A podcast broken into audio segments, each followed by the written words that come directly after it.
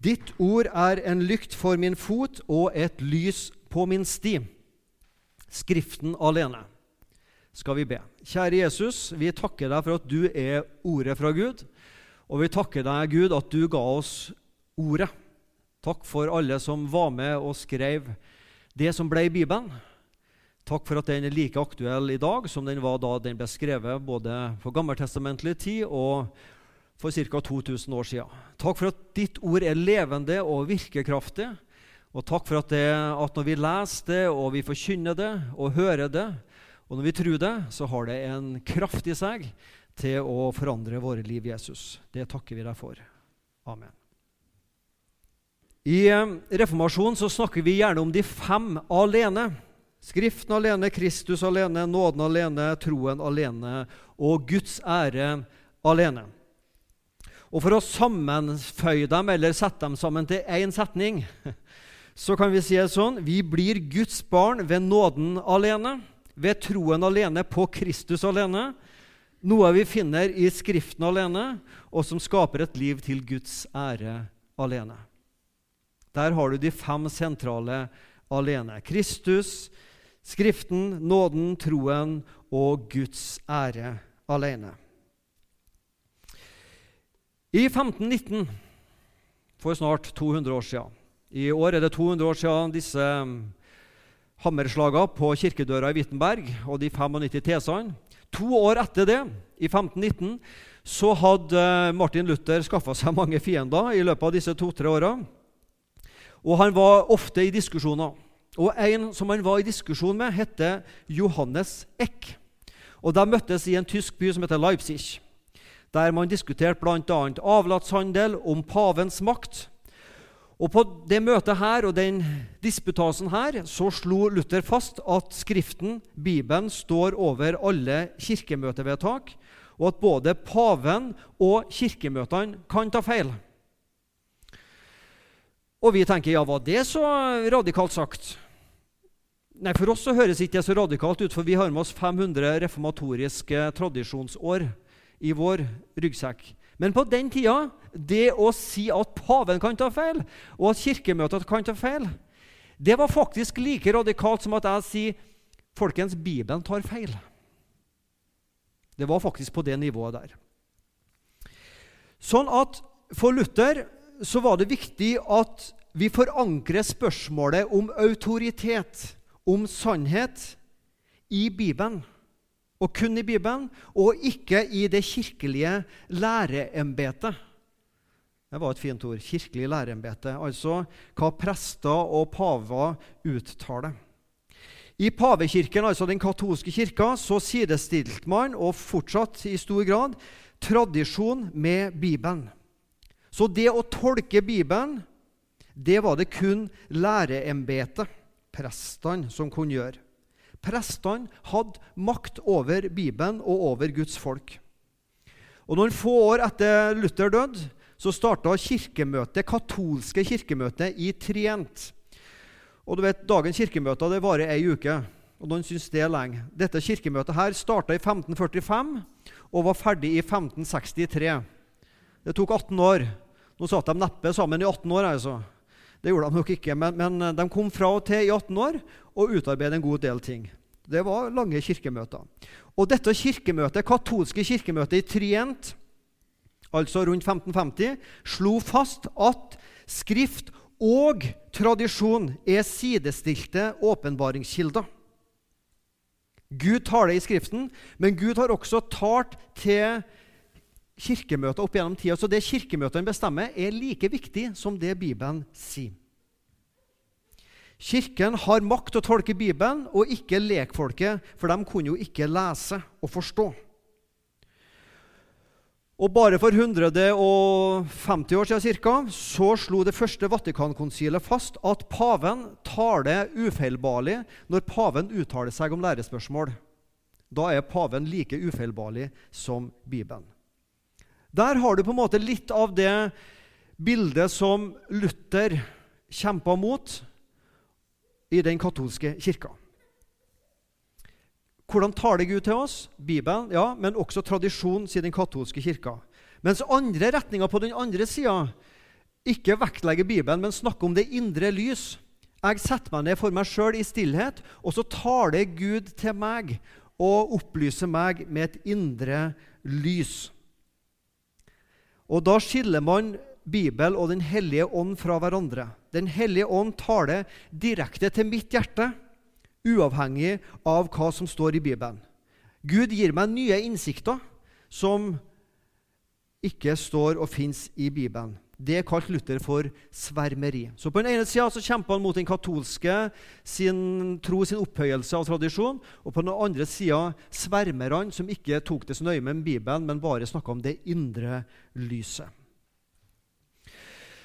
Martin Luther døde ca. rundt 1543. Hvis ikke jeg husker helt feil, så var det kirkemøtet i Trient som slo fast skrift og tradisjon. Og så tenkte de lutherske hvordan skal vi på en måte eh, fastholde den autoriteten som Skriften er. Og I 1577 så laga man det som heter Konkordieformelen. Og der står det sånn Det er, så det, det er et langt, eh, ei bok, altså. Dette er bare noen få setninger. Så dette er hva vi tror og lærer og bekjenner, at den eneste regel og rettesnor som alle lærdommer og lærere skal bedømmes etter, er alene Det gamle og Det nye testamentets profetiske og apostoliske skrifter. Alle andre skrifter, derimot, av den gamle eller nye lærere, skal ikke aktes like med Den hellige skrift, men alle skal underordnes denne, altså Skriften. Her har vi på en måte dette uttrykket 'Skriften alene'. Så det uttrykket på en måte kom litt etter Martin Luthers tid. Det handler om hvordan begrunner vi autoritet for sannheten, for lære. Er det nok med Bibelen, eller trenger vi noe annet i tillegg til Bibelen? Har du tenkt på dette? Det har du sikkert. Hvordan snakker Gud til meg? Hvordan snakker Gud til oss? Og I dag skal du få tre s-er. Gud taler via skaperverket, via Skriften og via Sønnen. Og det var ikke veldig radikalt sagt. Det tror jeg de fleste av oss kan si. Gud, Vi møter ikke Gud i skaperverket, men vi ser Guds finger.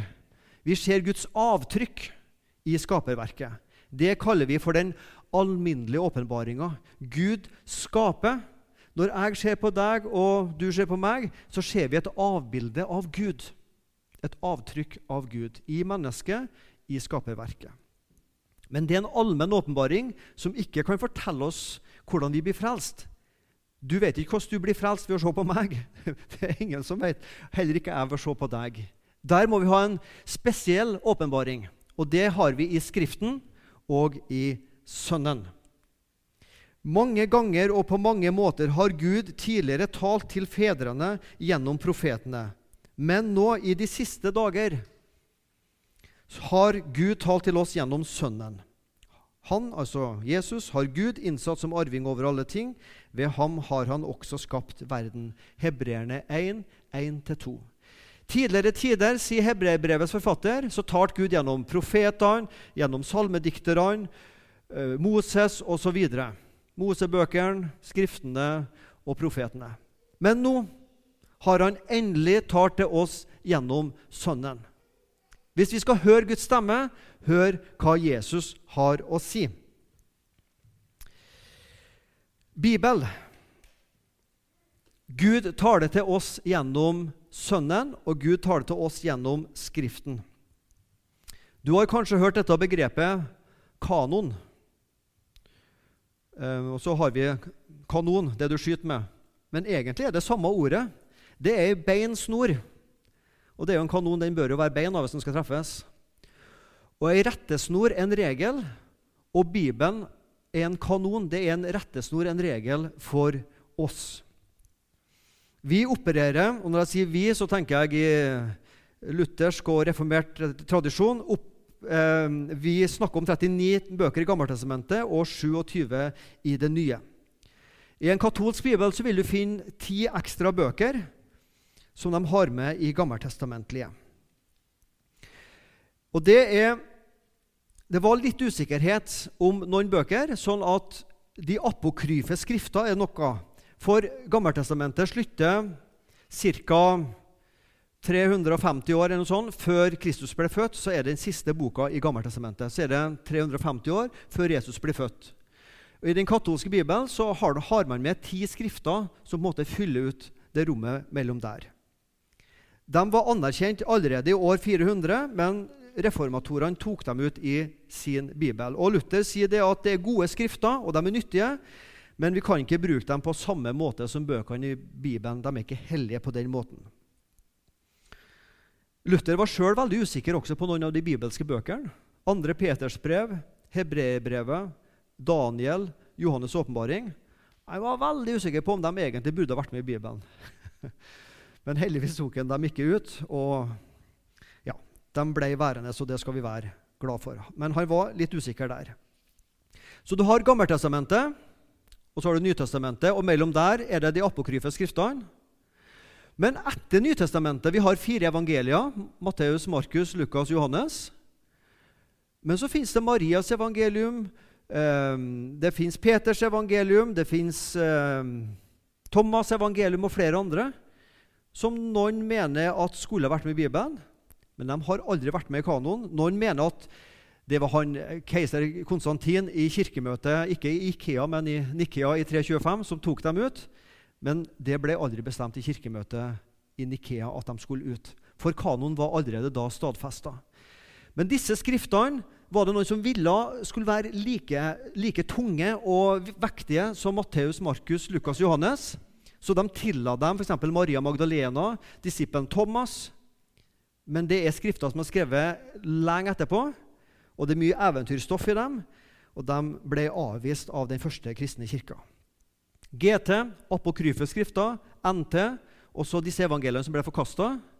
Og etter det kirkefedrene. Det, de ble skrevet ca. fra år 100 til år 150. Der står det veldig mye bra, bl.a. om trosforsvar. Men de ble aldri tatt med i Bibelen. Og så kommer da ca. år 1500-1600 kommer da bekjennelsesskriftene. Men kanon, det er det vi kaller Bibelen. Skriften alene, Bibelen alene. Hvorfor alene? Hvorfor Skriften alene? Hvorfor ikke Skriften og gode vedtak på kirkemøter? Eh, kirkefedre som sa noe veldig viktig. Hvorfor Skriften alene? Jo, for vi har nåden alene, vi har troen alene. Tenk hvis vi hadde Tenk hvis vi har hatt nåde pluss fortjeneste, tro pluss gjerninger. Nei. Bibel pluss tradisjon. Ja, hva slags tradisjon skulle vi da ha tatt med, og hva slags tradisjon skulle vi da ha utelatt? Nei. Nåden alene, troen alene og Skriften alene. Men Bibelen kommer aldri helt alene til oss. Hva mener jeg med det? Bibelen kommer aldri helt alene til oss. Vi tolker Bibelen og vi skal tolke Bibelen. Paulus sier til sin gode venn Timoteus.: Forkynn ordet, stå klar i tide og utide. Vis til rette tal til tukt og tal til trøst med all tålmodighet og iherdig undervisning. Forkynn ordet, sier Paulus til Timoteus. Vi skal legge vind på skriftopplesinga, men Paulus sa ikke 'bare les Skriften'. Ikke si noe mer, for da kan du forkludre det. Men Paulus sa 'forkynn ordet'. Så ordet skal ikke bare leses, det skal forkynnes, det skal tolkes, det skal utlegges. Sånn som det skjer i misjonssalen hver søndag. Bibelen kommer aldri helt alene. Vi leser Bibelen med briller. Når jeg leser Bibelen, så skjønner jo jeg også at jeg leser det med mine lutherske øyne. En baptist leser med baptistiske øyne. Det trenger ikke å være så stor forskjell på det. En katolikk leser med katolske briller. ikke sant? Vi leser og tolker Skriften ut fra den sammenheng og tradisjon vi er født inn i. Det må ikke vi være blind for. Vi ser stykkevis og delt, og det er ingen av oss som treffer innertier med alle våre bibelforståelser. Det fins en 2000-årig kirkehistorie og ingen av oss kan hoppe over den og si at 'jeg forholder meg bare til Bibelen'. Kun Bibelen, og jeg glemmer 2000 år kirkehistorie. Nei, Vi må være såpass årvåkne at vi må skjønne at vi har med oss en tradisjon som vi er blitt opplært til eller vokser inn i, som er med å prege vår bibellesing. Så Bibelen kommer aldri helt alene. Og alene, Skriften alene betyr ikke alene med Bibelen. Hva mener jeg med det? Hva mener jeg alene med Bibelen? Jo, det er godt å være alene med Bibelen og lese i den. Det er ikke det jeg snakker om her. Men som kristen kirke, og når jeg sier kirke nå, så tenker jeg ikke kirkesamfunn, men jeg tenker som et kristent fellesskap, så leser vi Bibelen sammen. Vi forstår Bibelen sammen. I et fellesskap. Hvis det var bare alene med Bibelen det dreide seg om, så var det mange Jesuser til slutt. Jo, men jeg, jeg forstår Jesus sånn. Dette er min Jesus. Dette er sant for meg. For meg betyr det bibelverset der at jeg kan sånn og sånn og sånn, men for deg betyr det noe annet. Da får du en veldig subjektiv bibelforståelse som blir veldig personlig. Altså ikke bare personlig, men privat. Er du med? Jeg mener ikke at tradisjon er nødvendig for at Bibelen er klar i seg sjøl. Men samtidig skal vi tenke vi leser Bibelen sammen, og vi forstår Bibelen sammen. Og vi tolker den sammen. Og skal vi endre på ting, ikke i Bibelen, men endre vår forståelse av ting i Bibelen, så gjør vi det fordi vi sammen har kommet fram til at ah, det var det Bibelen sa, ja. Vi trodde Bibelen sa nei til det, men Bibelen sa kanskje ikke nei til det, og vi trodde Bibelen sa ja til det, men nei, kanskje Bibelen sa ikke ja til det likevel. At vi forstår det i et fellesskap. Hvordan det skal gjøres praktisk, det er ikke alltid like enkelt. Men mitt poeng er Bibelen alene betyr ikke alene med Bibelen min forståelse Hvis jeg forstår det sånn, ja, så det er like godt sånn som den og den og den og det og det kirkesamfunnet har forstått det til all tid. Jeg må underlegge min forståelse ut fra en 2000-årig kirkelig tradisjon. Så det er alltid, om ikke alltid så ofte, to grøfter i livet. På den ene sida kirketradisjon som sidestilles med Bibelen, at det er like viktig. Og på den andre sida at enhver kristen finner sin egen sannhet i Bibelen. Peter sier det sånn i 2. Peters brev. For dere vet først og fremst dette, at ikke noe profetord i Skriften er gitt til egen tydning. Vi forstår det sammen som kristne. Vi tolker og vi forstår Bibelen sammen. Hva er spesielt med Bibelen? Hva er det med denne boka at det er så viktig for deg å lese fra denne boka? Hva er det som er så viktig med denne boka at du vil for alt i livet at barna må bli kjent med denne boka mer enn Donald Duck. Hva, hva, er det med Bibelen som gjør at det er så mye kraft i den i forhold til Henrik Ibsen ja, eller annen litteratur? 2. Tim 3,16. 2. Timoteus brev 3,16. Hver bok i Skriften Og når Paulus skrev det her, så tenker han jo Gammeltestamentet. Vi tar også med Nytestamentet. Men han tenkte jo Gammeltestamentet her. Hver bok i Skriften er innblåst eller innåndet av Gud og nyttig til opplæring, tilrettevisning, veiledning og oppdragelse i rettferdighet. Hver bok i Bibelen har Gud blåst inn sin mening, sin ånd. Når jeg snakker mine ord, så, så måtte jeg ut Svein Anton sine tanker. De kan av og til være lure, og av og til er de heller ikke veldig lure. Sånn er det med meg, og sånn er det med deg. Men Gud har blåst sin tanke, sin visjon, sin ånd inn i noen ord i Skriften, sånn at det er ikke bare trykksverte på papir. Det er levende ord, fullt av Den hellige ånd. Bibelen er inspirert, det er inspirerte ord. Jesus er det inkarnerte ord som ble menneske. Bibelen er det inspirerte ordet. Det er sannhet. Bibelen er sannhet om alt den uttaler seg om til alle tider. Bibelen er tids- og kulturuavhengig når den taler om hvem Gud er, og hvem mennesket er, og hva som bor i oss. Og Bibelen vil at vi skal tro det og få tillit til det. Bibelen er troverdig, og er Bibelen troverdig, så er den troverdig. Guds ord, Det som er spesielt med Bibelen, er at det er kraftfullt. Det kan skape, og det kan gjenføde. Ordet har kraft i seg til å føde et menneske på nytt, til å bli Guds barn. Guds ord og Guds ånd, Den hellige ånd, virker sammen. Når du og jeg leser og hører, så er det Den hellige ånd som virker, er, virker i hjertene våre. Og Den hellige ånd overbeviser oss om at det er virkelig Guds ord vi leser og hører. Den hellige ånd og Bibelen er sånn at mer Bibel, mer åndsfylt kristen. Og jo mer åndsfylt kristen, jo mer vil jeg ha Bibelen. Det der er en sånn god spiral. vet du. Ah, jeg vil ha Bibelen, og så leser jeg Bibelen. Og så får du ikke mer Den hellige ånd, for han har du fullt, fullt og helt. Men ånden begynner å virke. Og når ånden begynner å virke, så har jeg lyst til mer Guds ord. Og jo, jo mer jeg leser Guds ord, jo mer virker Den hellige ånd i meg. Det er en god spiral oppover.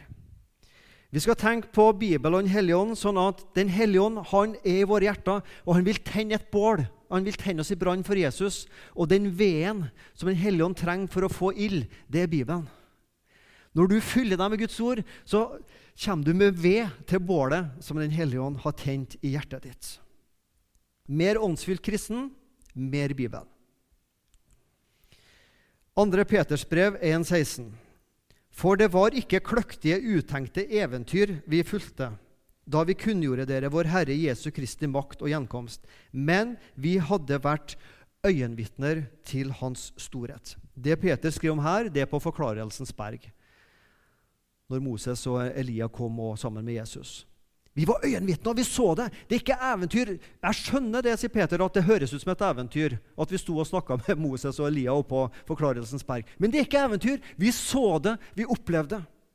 Men ikke bare denne fortellinga. Apostlene var øyenvitner til det som skjedde. Og når vi leser i Bibelen fra apostlene, så leser vi dem som hadde sett det og opplevd det med egne øyne. Det er sant. Det er troverdig. Det er ikke eventyr. Når apostlene snakker i Bibelen, så snakker de med en apostolisk autoritet, med en guddommelig autoritet. Når vi hører dem, så hører vi Jesus. Og det sa Jesus sjøl. Den som hører dere, han hører meg. Det som apostlene skrev ned i Bibelen, det kunne Jesus sjøl ha skrevet ned. Det var Jesus sin måte å få sine ord trygt for ettertida. Gi dem til apostlene, som skrev dem ned. Og vi kan lese apostlene men også Jesu tale 2000 år etterpå. Apostlene var kalt til et særskilt oppdrag å skrive ned Guds ord. Forklar Jesu død oppstandelse, at det var for våre synder. Ikke alltid det er lett å forstå Paulus og Peter. Det er det ikke. Kan du og jeg være uenig i Paulus og Peter? Vel, vi kan kjenne at det er noe som utfordrer oss.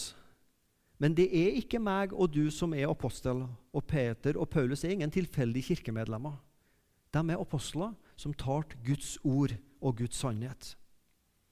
Fordi Guds ord er ufeilbarlig, fordi det er innblåst av Gud, fordi det er apostlenes vitnesbyrd, fordi det har kraft i seg til å forandre mennesker, gjenføde og fylle oss med Guds ånd, så er det så viktig å få Guds ord ut. Jeg fant et flott bilde her fra Bibelselskapet, som var med utdeling av noen bibler i en, eh, en annen plass i Russland. Her ser du noen russiske damer som har fått seg en bibel. og Se, se hvor fornøyd og glad de er. Jeg ser at dette bildet er ikke oppstilt. Jeg tar ofte bilder, det vet dere, og jeg ser at på mine bilder så smiler folk litt sånn. Jeg har bedt dem å smile. Du ser på disse damene her. De er så glad. De har fått en bibeldel. Tenk om vi kunne ha denne gleden når man får en bibel i fanget. Jeg syns det var et nydelig bilde. Derfor var det så viktig for Luther å omsette Bibelen til et språk som folk forstår. Tysk. Det var jo tysk han var.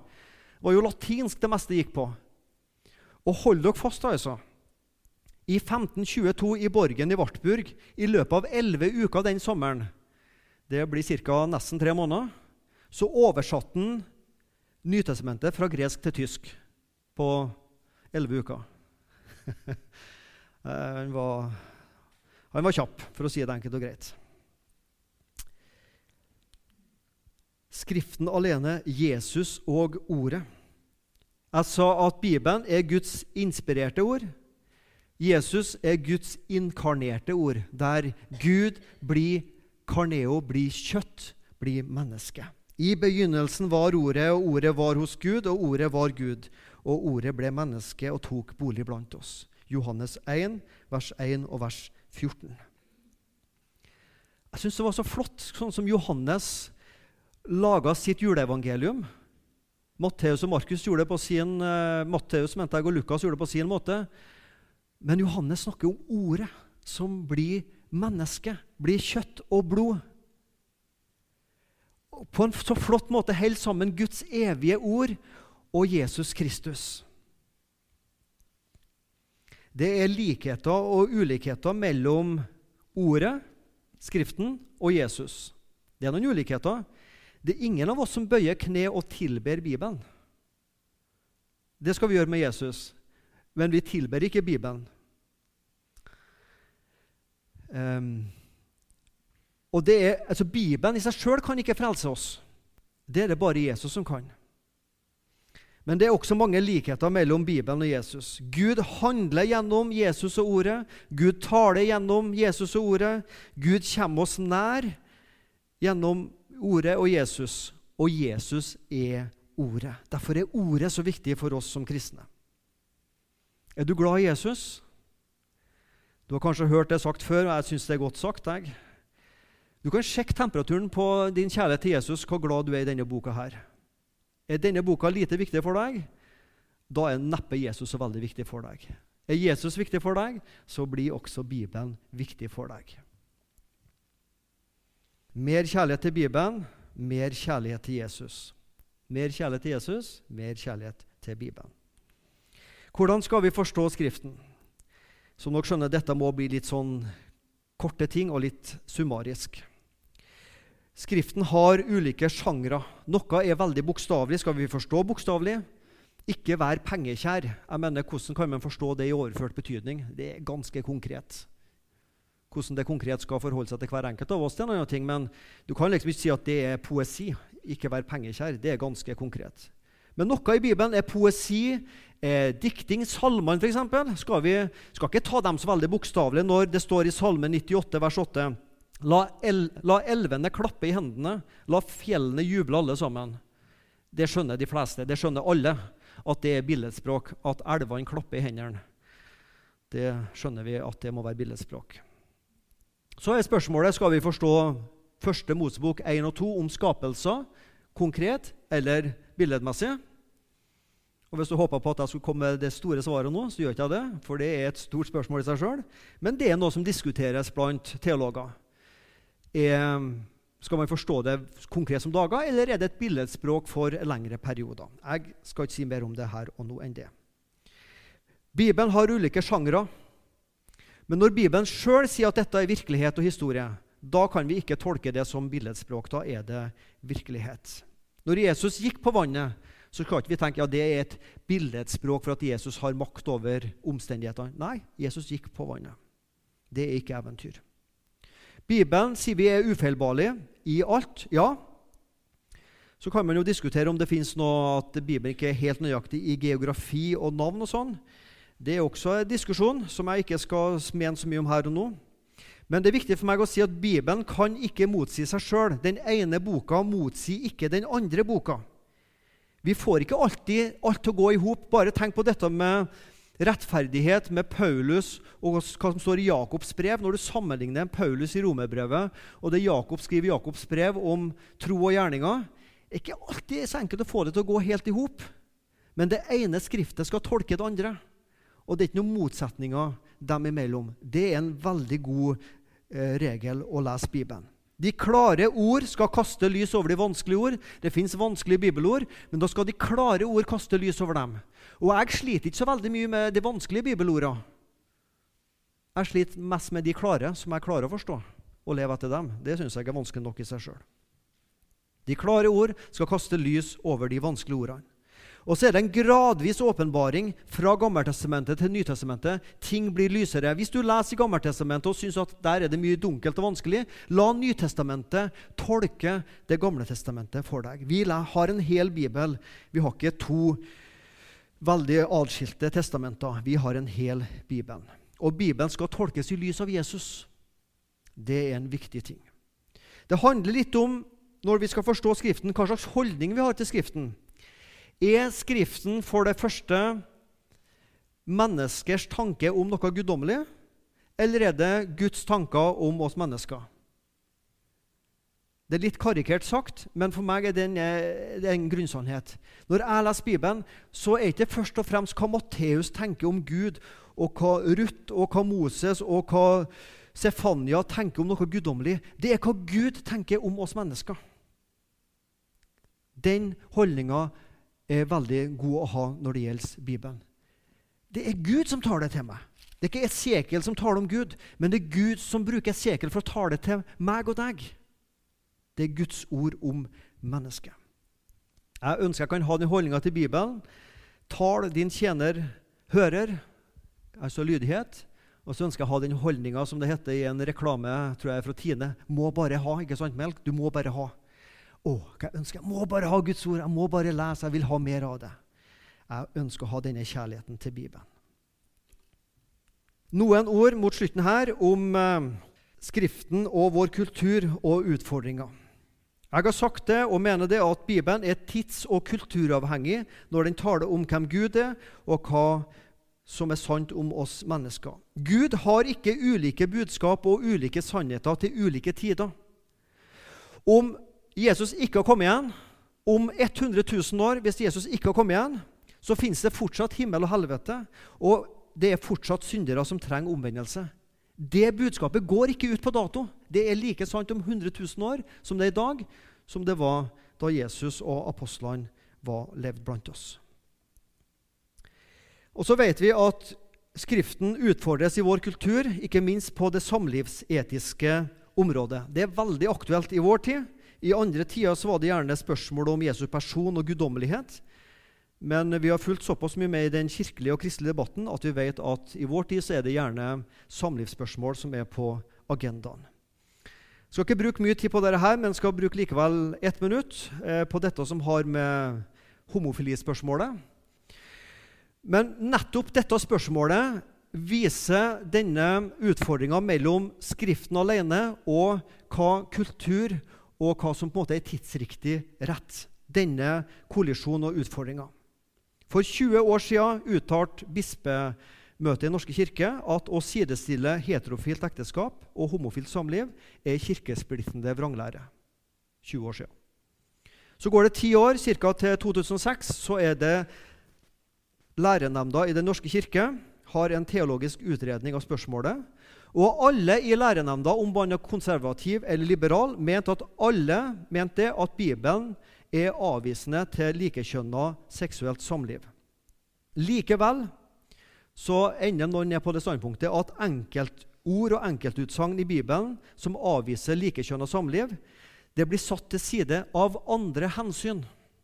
Av andre hensyn.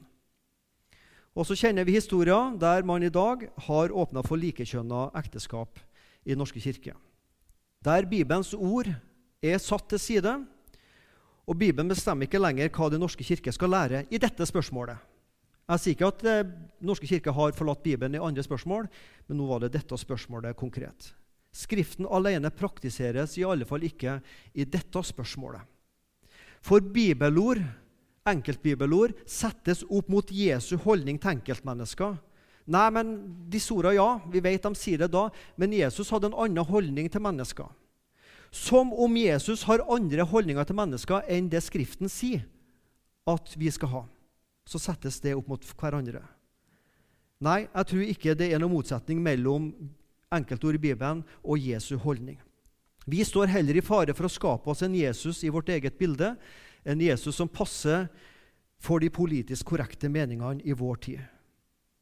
Jesus er en som ikke støter noen fra seg, sier det, så vi må åpne opp.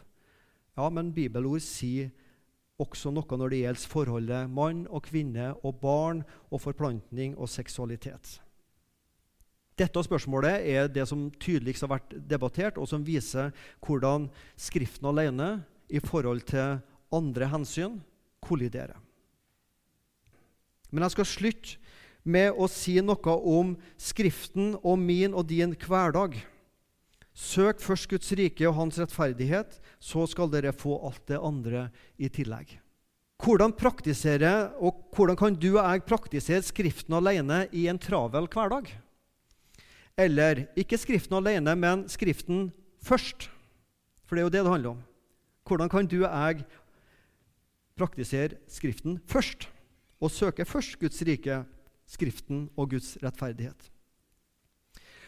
Og Denne utfordringa kjenner vi på, spesielt du som er småbarnsforeldre. Hvordan setter Bibelen først når barn og jobb krever sitt, når um, vi alle har lyst til å bruke mer tid på våre fritidsaktiviteter og ulike medier, tidstyver, og så blir det så lite tid til Bibelen. Jeg tror de fleste av oss kjenner oss igjen der. altså. Skulle du være så heldig å ikke kjenne deg igjen der, så Gud velsigne deg. Altså, men jeg tror vi kjenner oss alle igjen. Hvordan skal jeg sette Guds rike, hvordan skal jeg sette Skriften alene først i en travel hverdag? Jeg tror det handler bl.a. om holdning og ærlighet. Jeg fikk ikke tid til å lese i Bibelen i dag. Jeg har sagt det, og du har kanskje sagt det og tenkt det. Og det er den største løgna som er. Selvfølgelig har jeg tid til å lese i Bibelen. Jeg har 24 timer. Jeg, jeg kan lese i Bibelen. Altså Det å ta, lese et kapittel tar meg to minutter. Da har jeg igjen 23 timer og 58 minutter av dagen. Så tid har jeg. Men jeg har ikke tatt meg tid til å lese i Bibelen. Det er noe helt annet. Men tid har jeg. Ja, jeg fikk ikke tid. Ja, hvem vil du få det av? Du har det, tida. Men det er når jeg blir ærlig med meg sjøl og sier at vet du, jeg har faktisk ikke tatt jeg Egentlig hadde ikke så veldig lyst heller. Et av programmene jeg liker godt på TV, heter Luksusfellen. Har du sett det? Det er noe sånn eh, folk i 20-30-åra, ofte veldig mange av dem, som havner i en luksusfelle og har fullt av forbrukslån. Og legg merke til når disse eh, rådgiverne snakker med dem. Det første de jobber med dem, det er å være ærlig og innrømme at ja, jeg har brukt for mye penger på mat og røyk og ferieturer og luksus og biler og det ene med det andre. Det starter med en ærlighet. Faktisk så er det jeg som har ansvar for min økonomi til å gjøre noe med det. Det er du og jeg som har ansvar for vår tid, og bruke den at vi kan sette Bibelen først i vårt liv. Jeg vet det er en utfordring, og jeg skal være forsiktig med å trykke for mye her, for jeg vet at den enkleste plassen vi kan skape dårlig samvittighet til oss kristne, er på Bibel og bønn. Og så vet jeg at jeg får betalt for å gjøre det. Derfor skal jeg være veldig forsiktig. Men folkens, start med ærlighet. da. Jeg har ikke tatt meg tid. Jeg har kanskje ikke så lyst heller. Og det er det andre punktet. Les når du også ikke har lyst. Les også da i Bibelen. Så skaper det lyst. Det var nettopp sykkel-VM i Bergen. Og Da hørte jeg dem snakke om syklistene. Det var viktig å få til seg drikke. Og disse skirennene som går over veldig mange mil. Og det de sier, de sportsutøverne Du må drikke før du er tørst. Du må ta i deg næring hele tida. Og du må ikke vente til du blir tørst. For hvis du da først begynner å drikke, så er det for seint. Da mister du kreftene. Les også når du ikke har lyst. Drikk når du, før du er tørst. Les i Bibelen når det er tungt. Så skaper det lyst.